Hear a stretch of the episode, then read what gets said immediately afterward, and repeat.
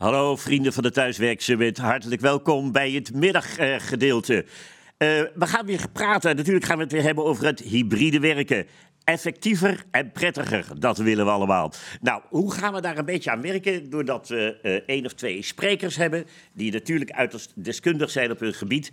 En het leuke is, ik heb ook twee deskundigen aan tafel. Uh, die zitten hier naast me. Ik ga ze zo dadelijk uh, aan jullie voorstellen. maar voordat het zover is, wil ik ook even zeggen dat het allerbelangrijkste zijn jullie thuis. Want het is niet zo dat je alleen maar mag kijken naar je scherm en verder niet mee moet bemoeien. Nee, de bedoeling is juist dat je meedoet. Als je nou hoort dat hier iets gezegd wordt waarvan je denkt, nou, wat een onzin. Nou, wat kletsen ze uit hun nek. He, ben ik het helemaal niet mee eens. Krop het niet op. Hou het niet binnen, maar doe tikken, tikken, tikken, tik. Dan komt de vraag hier binnen. Ik leg hem op tafel en we geven er antwoord op. En zo komen we stapje voor stapje met z'n allen hopelijk een beetje verder. Nou, uh, ik ga jullie voorstellen aan uh, de mensen aan tafel. Oh, ik vergeet nog iets belangrijks. Er begint op dit uh, moment ook nog een, een seminar van Jabra over hybride werken. Wil je dat seminar van Jabra meemaken, moet je dus op die knop drukken die je in je dashboard hebt zitten. En dan kun je tegelijkertijd met dit programma kijken of je kan het afwisselen. Dat hangt er vanaf hoe snel jij van geest bent. Als je heel snel bent, kun je ze alle twee volgen en anders dan wissel je een beetje af. Nou, dat is het seminar van uh, Jabra. Uh, daar kun je dus naar gaan kijken en wij gaan hier verder. Zoals gezegd, effectiever en prettiger hybride werken. Uh, eerst even de twee deskundigen aan tafel. Uh, Janine Rietjes van Rumbold, die yes. zit hier. Janine Rumbold, vertel ons eens, wat doet Rumbold? Ja, wat doet Rumbold? Uh, is een uh, HR-kennisdelingsplatform. Uh, dus wij brengen HR-vakgenoten bij elkaar om, om te leren van elkaar, om elkaars tips en tricks te delen. En good case practices, bad case practices.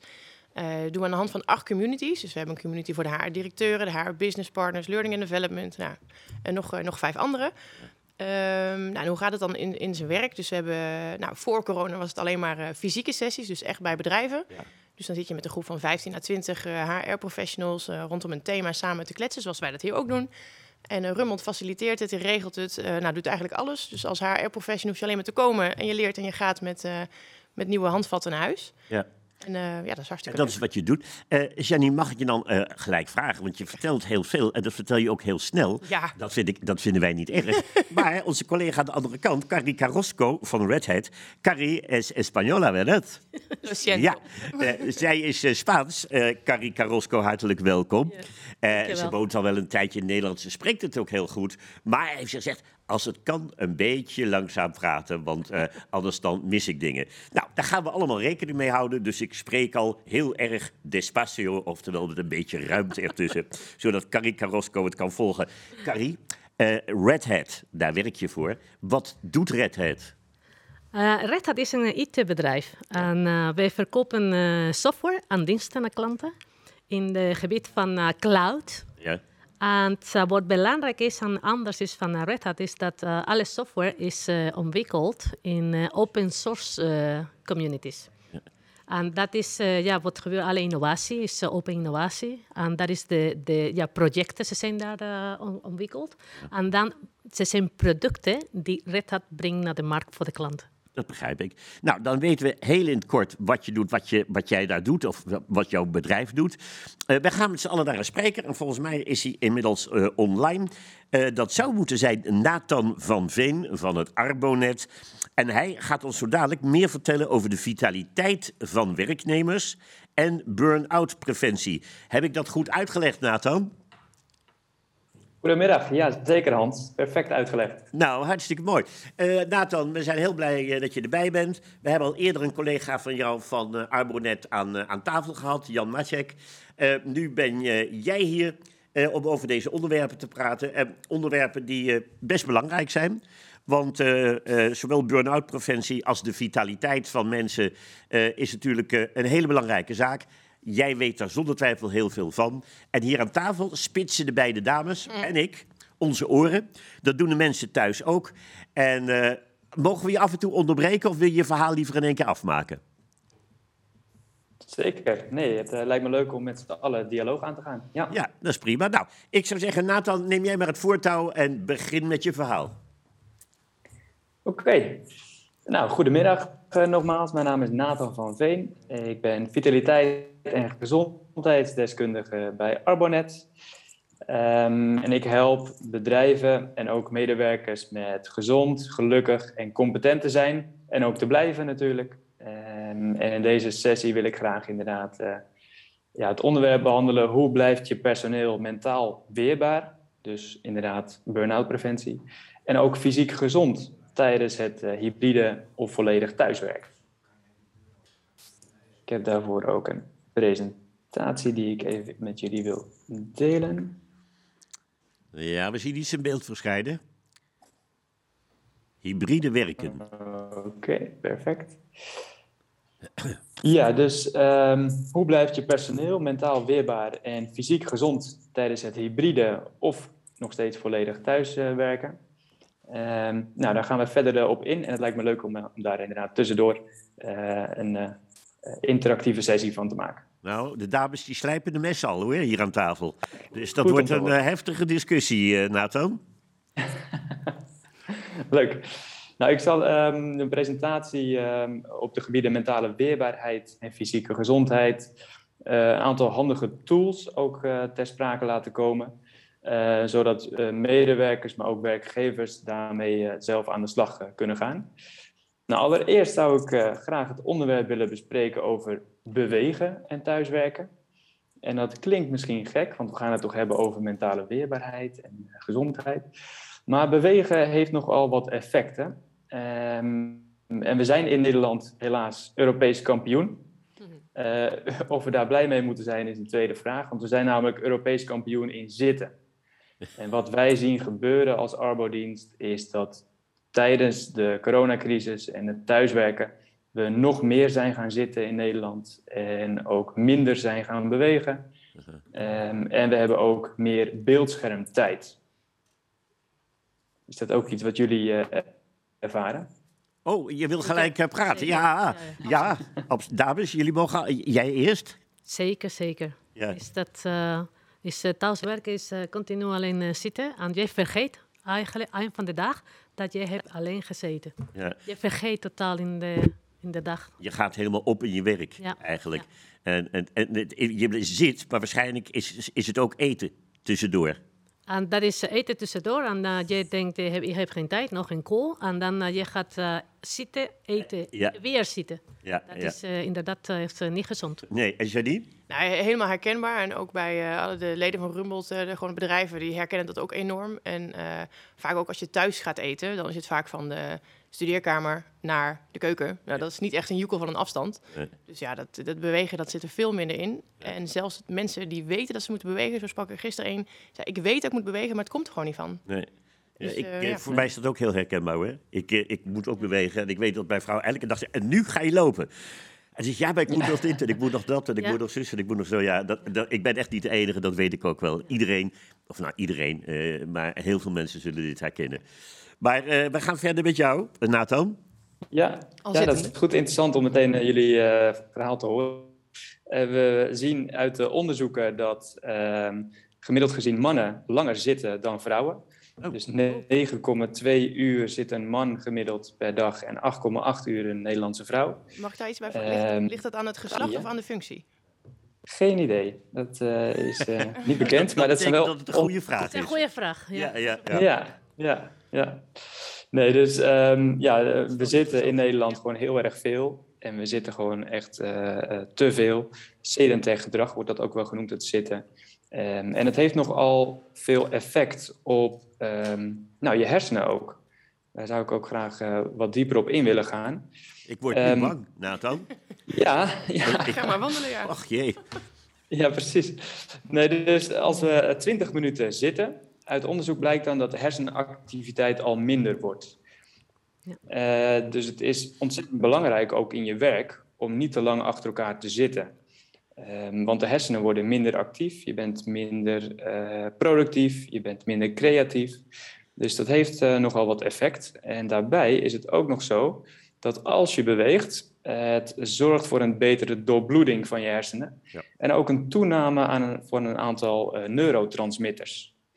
Uh, ik heb er een aantal toegelicht: dopamine, serotonine en endorfine. En die hebben een bepaald effect op hoe jij aan het werk bent. Dus dat is als werkgever ontzettend belangrijk om je medewerkers niet te lang te laten zitten en te laten bewegen. Nou, bijvoorbeeld dopamine zorgt voor een beter humeur en een positief gevoel. Nou, dat heeft alles te maken met aandacht en motivatie.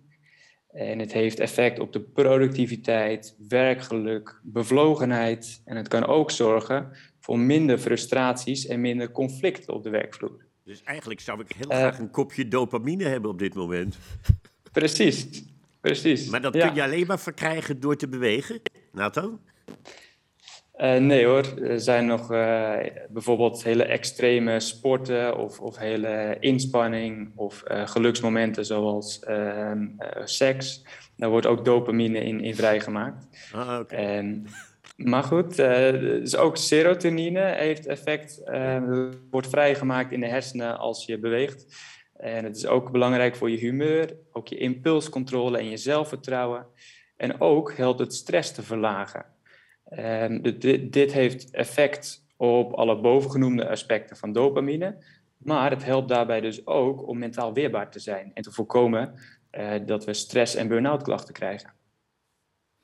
En ook endorfine uh, is een anti-stresshormoon. Het zorgt dat je ook beter slaapt en ook een geluksgevoel geeft. Dus dat is belangrijk. Er gebeurt nog meer in de hersenen. Uh, het zorgt ook voor extra productie van BDNF. Dat is een heel moeilijk woord, Brain Derived Neurotrophic Factor. Uh, maar dat is een belangrijk component in het vertragen van Alzheimer en dementie, maar ook bij het verbeteren van je geheugen en concentratie. En als je uh, blootgesteld staat aan chronische stress, dan krijg je geheugenproblemen en concentratieproblemen. En dat zorgt ervoor verandering in je hersenen onder invloed van cortisol, het stresshormoon. En wat BDNF doet, is die herstelt je hersenen en dat maakt um, uh, bij matige intensieve inspanning komt dat stofje al vrij. Dus wandelen of fietsen en dat soort zaken. Mm -hmm. Dus het is eigenlijk essentieel om je medewerkers te laten bewegen na een stressvolle dag. Um, om um, dat te verwerken. Maar in de praktijk zien we juist dat als we een hele stressvolle dag hebben, dat we dan op de bank neerploffen en juist niet bewegen. Ja. Terwijl we op dat moment het meest nodig hebben. Ja. Maar de vraag, de vraag dat ik zou uh, voorstellen is: uh, de dag is stressvol, stressvol geweest. Maar soms eigenlijk, de stress komt van de, de meeting dat je hebt gehad in die ochtend. En op dat moment is, of daarna, is het juiste moment gewoon buiten en lopen en bewegen. Maar faciliteren wij dat? Dat is de vraag. Als, als, als, als werkgever. Als het werkgever of leidinggever of management faciliteer dat. Ja, ze, ja. ze, vraagt zich dus af of, of de werkgever dat faciliteert, die, die, die mogelijkheid om te ontspannen of te relaxen. De ruimte na een sessie. Ruimte na een sessie. Ja, ruimte dus na een sessie. Als je dan s'morgens een ingewikkelde sessie hebt, dan zegt ze eigenlijk, ja, dan begin ik smiddags last van de stress te krijgen. Omdat er gewoon geen rustpunt zit. Is dat iets waar aan gedacht wordt, waar een werkgever aan zou moeten denken wellicht? En hoe zou dat dan moeten? Dat is eigenlijk, denk ik, de vraag. Ja. ja. Ja, nou dat is ontzettend interessant en dat is wel een positieve effect van de coronacrisis, is dat wij merken dat bedrijven daar wel steeds meer aandacht voor hebben. Ja. Eh, aandacht voor vitaliteit en gezondheid en, en ook beweging en bijvoorbeeld ook slaap. Uh, daar komt steeds meer aandacht voor. Um, en ik heb ook een aantal tools opgeschreven die helpen voor organisaties om, om sedentair gedrag, zitgedrag te voorkomen en bewegen te stimuleren. Oké. Okay. Eerst rechts onderin nog een uh, afbeelding van de effecten van beweging. Nou, die kunnen ook uh, gedeeld worden met medewerkers bijvoorbeeld, om ze bewust te maken. Maar aan de linkerkant een mooi rijtje met zit-sta-bureau bijvoorbeeld. Zien we ontzettend veel gefaciliteerd in het thuiswerken. Um, in de praktijk zien we dat heel veel mensen dat tegenwoordig hebben, maar nog niet zoveel gebruik van gemaakt wordt. Dus het is naast het faciliteren van een zit-sta-bureau ook erg belangrijk om mensen bewust te maken en continu te herinneren van joh, staan heeft ook een effect op je hersenen en, en hoe productief je aan het werk bent. Ja. Um, staand bellen kan bijvoorbeeld uh, helpen, uh, lunch wandelen en dat kan tegenwoordig ook online. Als je online afspreekt met collega's om via wildbellen dan even buiten te wandelen of de hond uit te laten, dat kan natuurlijk ook. Ja. Je kunt uh, gezondheidsworkshops geven aan de medewerkers om ze bewust te maken van uh, de effecten van bewegen, slaap, voeding, uh, ontspanning, stress, dat soort zaken. Een preventief medisch onderzoek is ook een tool. En daarin worden medewerkers um, de fysieke gezondheid gecheckt en ook de mentale gezondheid en hoe zit je in je energie in je werk. je kunt een vitaliteitsbeleid maken met een werkgroep binnen de organisatie om na te denken wat vinden wij belangrijk wat horen we vanuit de organisatie?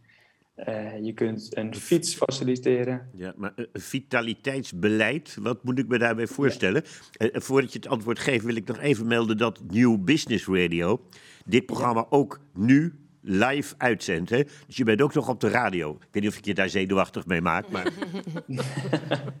nee, goed om te horen. Leuk. Leuk. Ja, uh, vitaliteitsbeleid. Um, daarin gaat een organisatie nadenken. Wat vinden zij belangrijk voor de gezondheid, uh, mentaal en fysiek? Ja. En hoe kunnen we medewerkers daarin helpen? En het allerbelangrijkste, en dan spring ik even naar het onderste puntje, ja. is daarin om uit te vragen aan medewerkers zelf wat zij nodig hebben om gezond, gelukkig en competent het werk te kunnen doen. Je kunt als HR of als directie uh, of ondernemingsraad nog zoveel interventies bedenken. Maar als dat opgelegd wordt in plaats van dat de medewerkers daar zelf mee komen of draagvlak uh, bij, bij hebben, ja, dan pas heeft het echt effect.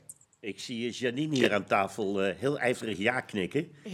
Oké, okay, dat ja, zie ik niet. Nee, dat, dat... nee, maar daarom vertel ik het je ook, want dan kan ze even zeggen waarom ze knikt. Nou ja, dit klinkt, Gewoon, klinkt gewoon echt heel herkenbaar. En uh, dat is natuurlijk ook in de hele wereld van HR. Uh, eh, je doet het voor die medewerker. Dus wij kunnen wel van alles gaan bedenken. Maar als we nou die medewerker gewoon vragen: wat heb je nodig? Dan is het veel makkelijker iets te verzinnen. Dat betekent niet, natuurlijk niet dat je niet van tevoren mag nadenken. Uh, dat is sowieso heel gezond. Um, maar vraag het de mensen om je heen. Dus vandaar mijn eigen knik. Ja, ja, ja. Dat, dat, wil ik graag een opmerking geven. En dat is belangrijk, denk ik. We kunnen het beleid hebben. We kunnen HR ons helpen. We kunnen tips krijgen. We kunnen een tool dat kan een horloge hebben, onderstaan aan herinnering. Aan, ja. Maakt niet uit. Uiteindelijk denk ik, het is aan de, aan de ja, persoon zelf. Ja. En niet alleen uh, persoon zelf, maar ook naar onze collega's, aan onze aan, aan, uh, medewerkers, ook echt helpen. Ja. heb je dit gedaan? Oh nee, nee, het continu, continu elkaar helpen. Maar anders, dit is echt in de, ja, is goed voor, voor iedereen en voor de hele. Ja. Maar je zegt het moet eigenlijk, zeg jij, het moet uit jezelf komen. Het gaat om de mensen. Je kan wel allemaal apparaten hebben, je kunt schema's hebben, je kan van alles hebben. Een horloge, zoals je al zei, met allemaal gegevens. Maar het gaat om jezelf. En dat je de mensen om je heen, je collega's, stimuleert. En zeg, jongens, het is even tijd, uh, eventjes vijf minuten rekken en strekken, want anders dan uh, zakken we in. Aan leidinggeving. Oh, natuurlijk, dat ze, ze ondersteunen dit ook. Ja, dat is ook belangrijk. Ja? Je. Krijgt, je moet ook management en leiding geven dat ze ondersteunt, dat je kan... Ondersteunt, bedoel Ja, ja oké. Ja, dat begrijp ik. Het is belangrijk. Leiderschap. Ja, en dat is ook altijd iets binnen, in ieder geval wat ik van HR weet, is altijd de vraag, waar ligt de verantwoordelijkheid? Dus ja. HR wil vaak uh, verantwoordelijkheid nemen, maar ook juist heel vaak dat de medewerker de eigen verantwoordelijkheid neemt. Ja. En ja, dat is hier, Nathan, ik weet niet hoe jij erover denkt, maar uh, waar de, vind jij dat de verantwoordelijkheid ligt? Bij de mensen zelf of bij de leiding? Bij, bij de directie? Nou, ik denk, uh, Allebei. ja, ik denk persoonlijk een, een gedeelde verantwoordelijkheid. Ja. Um, inderdaad dat antwoord verwachten we van de medewerker zelf. Gedeelde verantwoordelijkheid. Ja. Maar jij hebt, dat is natuurlijk ja. ook zo. Maar ja, ik denk dat de, de medewerker de, zelf... De directie zou wel, denk ik, het zou beter zijn als die meer zou stimuleren. Dat zou natuurlijk een aanwijzing kunnen zijn als de directie iets meer stimuleert. Uh, en zegt tegen de medewerkers van, hé hey jongens, denk er eens over na. Oké, jullie hebben een paar dingen bedacht. Uh, uh, maar dit moeten we dan ook zorgen dat, dat het ook zo gaat gebeuren. Maar helemaal, je kan niet de verantwoording bij de een of bij de ander leggen. Dat is inderdaad uiteraard een gezamenlijke beslissing. Maar het zou wel goed zijn, lijkt mij, als een leiding dat uh, stimuleert. Of zeg ik nou iets geks, dames? Ik vind dat jij ontzettend ja. goede teksten zegt. Wij, wij, ja, wij, wij, hebben eigenlijk in de, in de bedrijf waar we zijn, wij hebben wat we noemen de open leiderschap. En open leiderschap is eigenlijk dat uh, het is verantwoordelijk van leiderschap, maar ook van management en van, ook van de uh, medewerkers, van iedereen. Het is, de verantwoordelijkheid ligt van iedereen. Maar het is belangrijk om een goed rolmodel te zijn. Het is niet alleen praten en zeggen en papier hebben, maar doen. Ja. En doen en doen. Ja, je moet zelf het voorbeeld zijn dat je wilt vertellen, zeg maar. Ja, je moet zelf zo zijn en dan volgt de rest wel. Dat is wat, wat jij toch wil zeggen, Carrie, of niet? Ja. ja. Uh, we gaan weer naar jou luisteren, Nathan. Want anders we willen er niet. Ja, er zitten natuurlijk twee vrouwen aan tafel. Die willen er graag overal een mening over En dat vinden we alleen maar fijn hoor. Jongens, uh, dat vinden we echt alleen maar fijn. En trouwens, uh, thuis, als er daar ook nog dames en of heren zitten die roepen: hé, hey, ik wil me ermee bemoeien. Kom hè, kom met die vragen. Doe type, type, type, type. Dan komen die vragen hier binnen en ik leg ze voor aan het panel hier of aan Nathan van Veen en van Armonet. En dan gaat het goed komen. Nou, Nathan, nou ga ik je niet meer lastigvallen. Alsjeblieft, maak je verhaal af, want we zijn één en al hoor. Leuk, leuk, leuk. Goed om te horen. Nee, inderdaad. Um, ik hoop dat medewerkers uh, zelf de verantwoordelijkheid pakken, maar ook zijn er ontzettend veel voordelen voor organisaties die ik inderdaad in deze sessie naar voren probeer te laten komen. En zo ook heeft slapen ontzettend veel invloed op hoe je de volgende dag op je werkplek aan het werk bent. Ja. Um, en uh, het is interessant om, uh, om te zien, want ja, voordat we begonnen met thuiswerken, was er ongeveer rond 7 uur s ochtends een piek te zien in het waterverbruik. dat zegt het waterbedrijf Vitens. En tegenwoordig ligt deze piek een ruim een uur later. Dus we zijn met z'n allen, en dat blijkt ook uit onderzoek, langer gaan slapen, tenminste minder vroeg wakker gaan worden. Um, en dat is een, een, positieve verandering, zegt chronobioloog Roelof Hut. Want het is veel gezonder om pas op te staan als je vanzelf wakker wordt, dan de wekker die zorgt voor uh, verkorting van de slaap. En het moment dat je wakker wordt, op een natuurlijke manier word je altijd in je lichte slaapfase wakker, is vrij bepalend voor je energieniveau van de rest van de dag. Uh, want tijdens het slaap doorloop je een aantal verschillende slaapfases, de zogenaamde slaapcyclus. En deze duurt gemiddeld 90 minuten.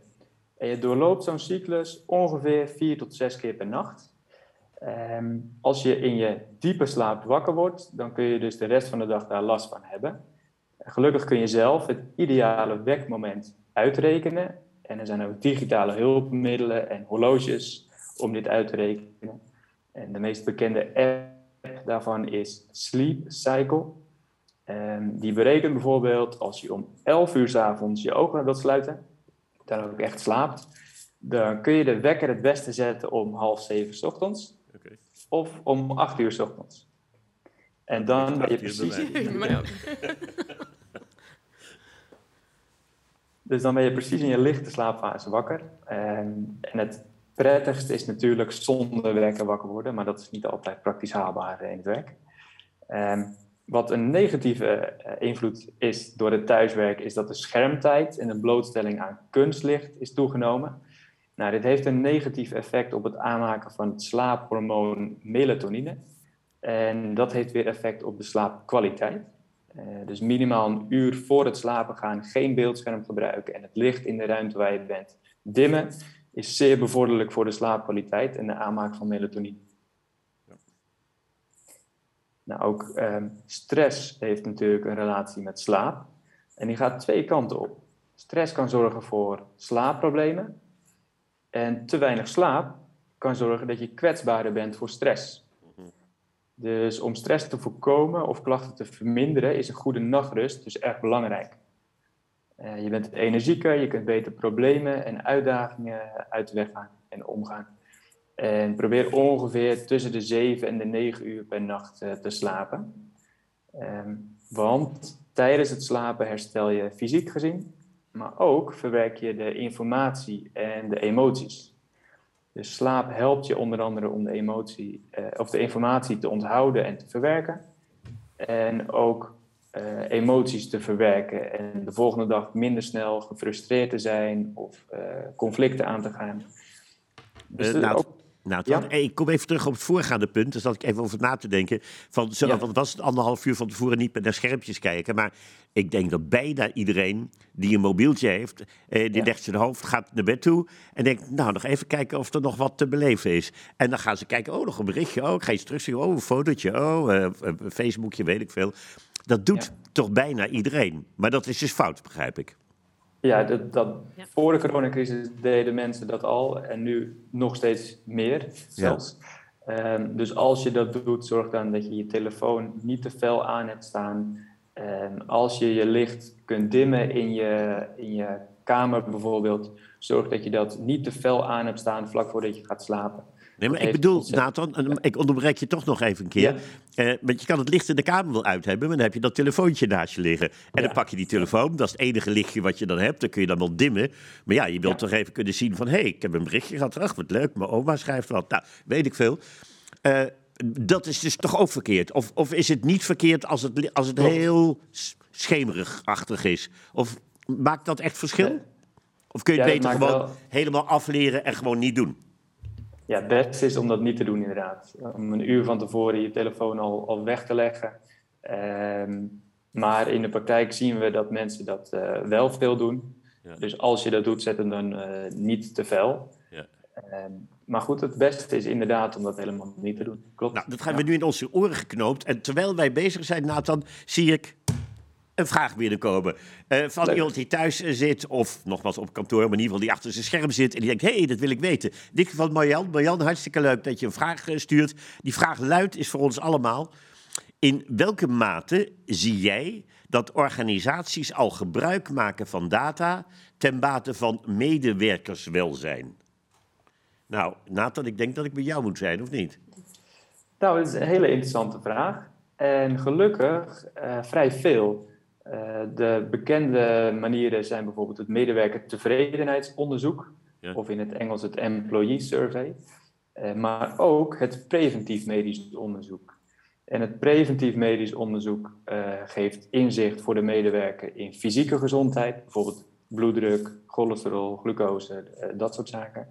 Maar ook uh, een vragenlijst en een gesprek met bijvoorbeeld mij, vitaliteit- en gezondheidsdeskundige, over uh, hoe zit je in je energie, hoe gaat het in je leefstijl.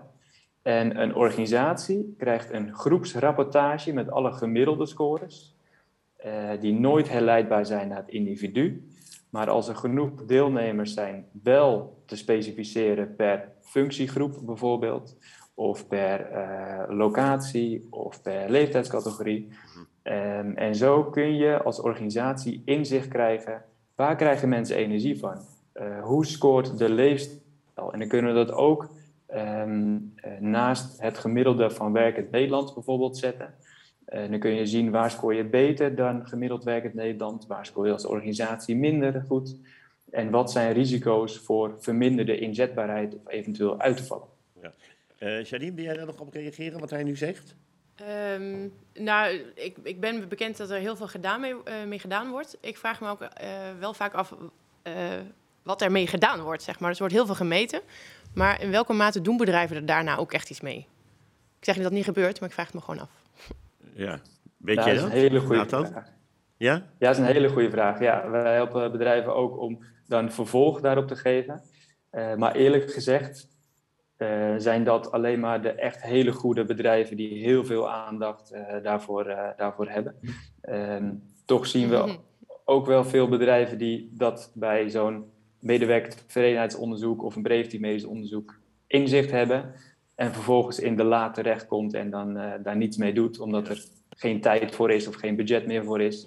dus dat is ontzettend zonde, ja. Volgens mij Carrie wil, wil ook even reageren. Uh, ja, het is een, uh, wat ik heb gemerkt, uh, ervarend, is dat um, met da de data in sommige bedrijven, sommige afdelingen van het bedrijf, ze worden gepakt en, en gedaan, ja. gesproken met de medewerkers.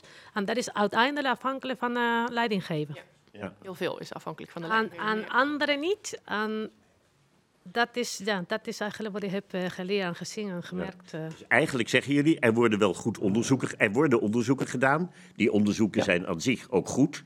Er is niks verkeerds aan. Alleen uiteindelijk heb ik dan een rapport voor me. En dat gaat in de la. En dan roepen ze, ja, ik heb het gelezen. Nou, en dat is het dan. Dat, Nou, dat zeg- zeggen jullie. Ik zeg niet dat het overal zo is, maar ik vraag Ja. me gewoon af eh, welk bedrijf... eh, ja, ik hoef geen Ja. namen, maar...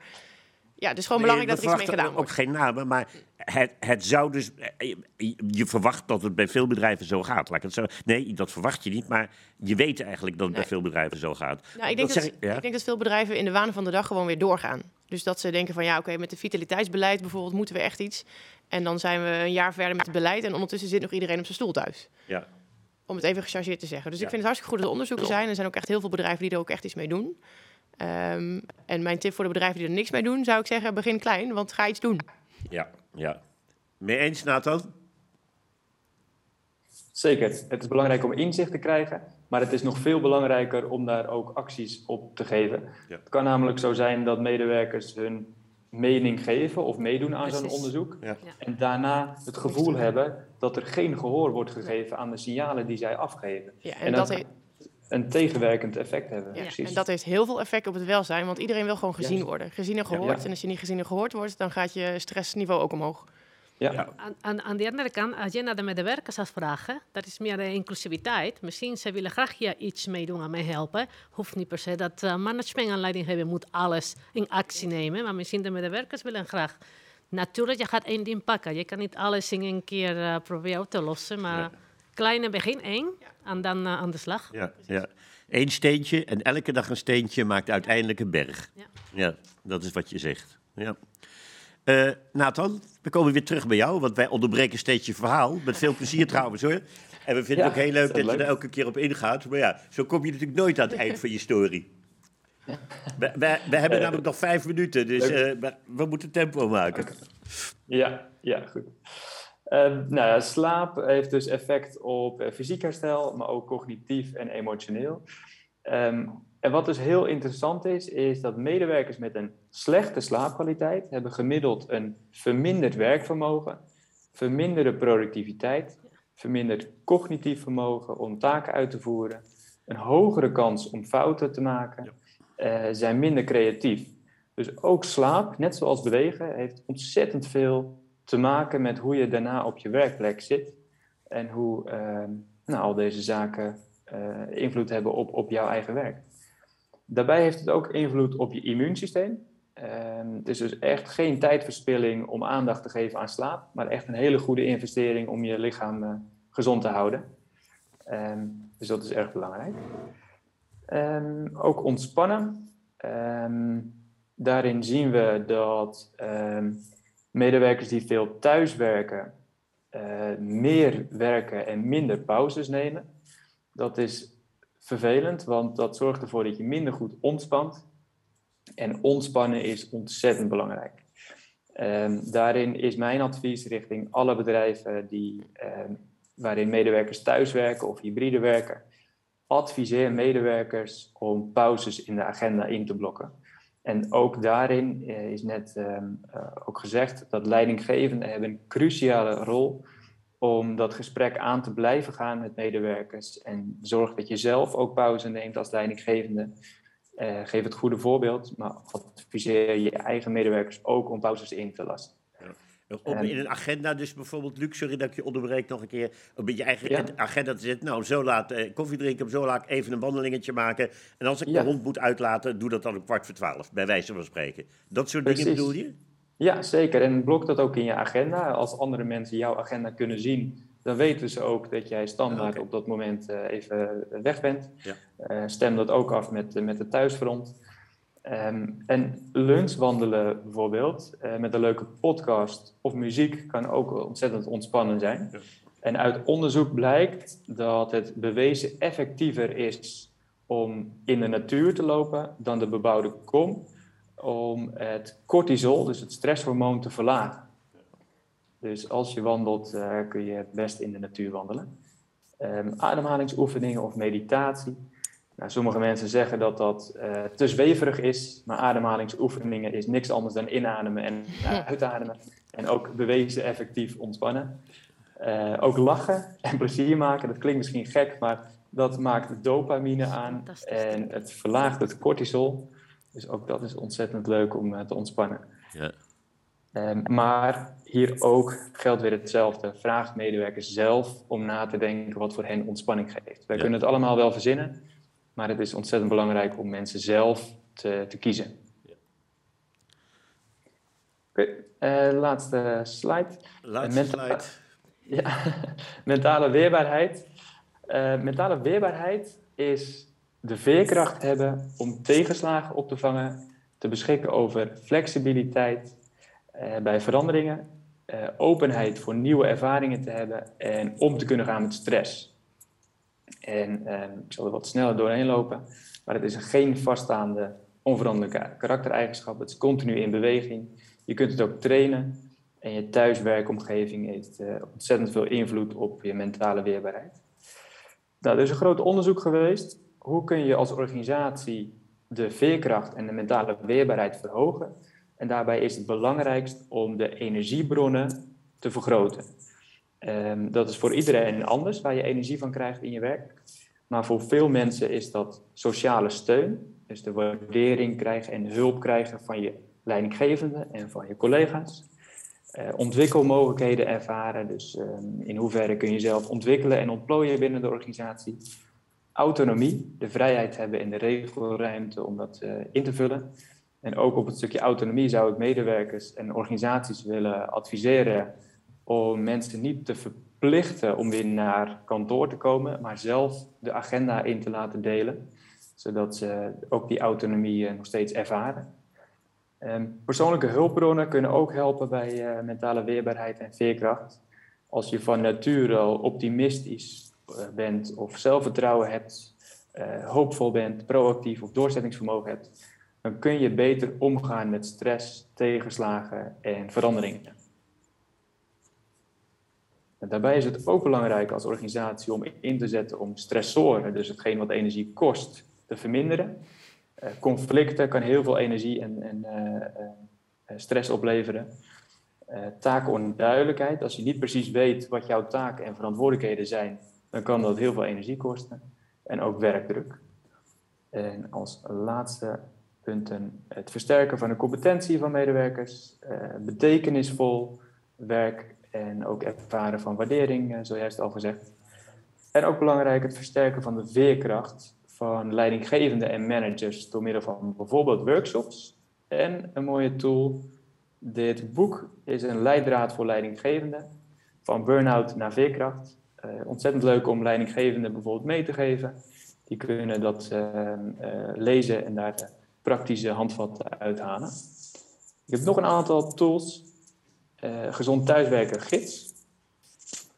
dat is voor de medewerker zelf een praktische gids. Hoe ga je om in het uh, thuiswerken? Er staan adviezen in over ergonomie, psychologie, vitaliteit, werk-privé-balans bijvoorbeeld. En een andere tool voor de organisatie. Voor de wat? Om thuis.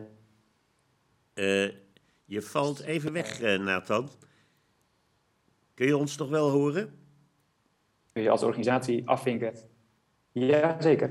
Ach ja, er zit wat vertraging tussen. Ik, ik heb het laatste stukje niet gehoord, maar ik zie wel dat Carrie uh, nog een vraag heeft. En aangezien we niet al te veel tijd hebben, mag ze die er even tussendoor stellen? Ja, Carrie, ja. Je, je, had een vraag nog, hè? Het is, de vraag eigenlijk is dat uh, ik, ik, hoor nergens wat de veiligheid. Eigenlijk uiteindelijk, het gaat over iedereen voelt veilig met wat wij doen. De pauze, de werk, de stress. Uh, ik denk... Ja, hij is weg. ja, Nee, Nathan is verdwenen, dames en heren thuis. Um, nou, terwijl daar gewerkt wordt om uh, die band weer te herstellen, eventueel, uh, wil ik jullie nog steeds vertellen dat we, jullie opmerkingen heel erg hartelijk welkom zijn. Over dit onderwerp, ook over een ander. Intussen zie ik op het scherm weer wat bewegen. Dus het zou zomaar kunnen dat Nathan weer in ons midden is. Klopt dat? Nee. Nee, ik zie, ik zie een klein fotootje, maar voor de rest niks. Nou, uh, tegen jullie dus nog even thuis. Uh, blijf er gezellig bij hoor. Uh, dat als je vragen hebt over dit onderwerp of over het volgende onderwerp. Hè, want we gaan nog een, ongeveer drie kwartier door met deze beide dames aan tafel. Met en Carrie van Red Hat hier aan mijn rechterzijde. Aan de linkerkant Janine Rietjes van Rumbold. die reageren op alles wat er hier op het scherm gezegd wordt. Ik denk dat wij inmiddels afscheid genomen hebben van Nathan. Ja, uh, nog even, Carrie, want hij is er dan niet om vragen te beantwoorden uh, op dit moment. Wat was jouw laatste vraag? Ik weet niet over die veiligheid, hè? Net eigenlijk, uh, ik heb gehoord over inclusiviteit, openheid. Ja. En uiteindelijk, het gaat dat wij iedereen, het maakt niet uit de rol dat we hebben, ja. en de werk dat we hebben, dat wij veilig voelen. Ja. Als mens. Het is de psychologische veiligheid als mens. Ja. Onafhankelijk van de rol, onafhankelijk van het type werk. En dan, als ik veilig voel, dat betekent dat wij de omgeving of de, de, de bedrijf, onze team, onze afdeling, gaat ons ja, geven de ruimte om veilig te, te voelen. Ja. Dat betekent ik kan uh, een pauze nemen aan de boom Recording kijken. in progress. Of uh, ik kan uh, een beetje beter slapen. Je hebt ja, ja, ja, precies. Ik, ga, ik ga een beetje in wandelen. En ik voel niet schuldig. Want ik denk dat het gaat over... Ik doe dit nu aan het lijkt dat ik doe uh, echt uh, ja, schuldig en niemand weet. Nee, maar je wil je niet schuldig voelen, dat, terwijl het ook niet nodig is. Precies. En dat is de openheid, dit is mijn agenda. Het is open, iedereen weet. Iedereen respecteert dat ook. Ja, ja. En dat is echt belangrijk. Ja.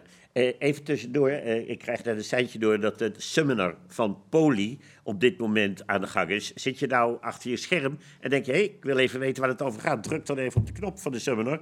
Dan kun je de seminar van Poli nog volgen. Hij schijnt heel interessant te zijn. Wij hebben het hier natuurlijk gemist. Maar ik heb al gehoord van mensen die oh, dat is helemaal zo. Dus seminar van Poli loopt tegelijkertijd met dit programma. Eventjes uh, Janine, want ik denk dat Nathan niet meer terugkeert. Uh, die lijn is even verbroken, of hij is verdwenen in een rookwolk. Uh, wilde jij nog even iets zeggen over dit onderwerp? nee, ja, het leek me, leek me heel erg volledig wat, hij, wat hij vertelde. ik denk dat het heel goed is voor mensen dat ze intrinsiek gemotiveerd zijn om aan zichzelf te werken. Dus inderdaad, om te zorgen dat je goed slaapt. Nou, is dat bij mij thuis geen probleem. Ik heb wel drie wekkertjes rondlopen. Dus uh, dat, uh, die half is half zeven of acht uur, dat maakt geen verschil. Nee.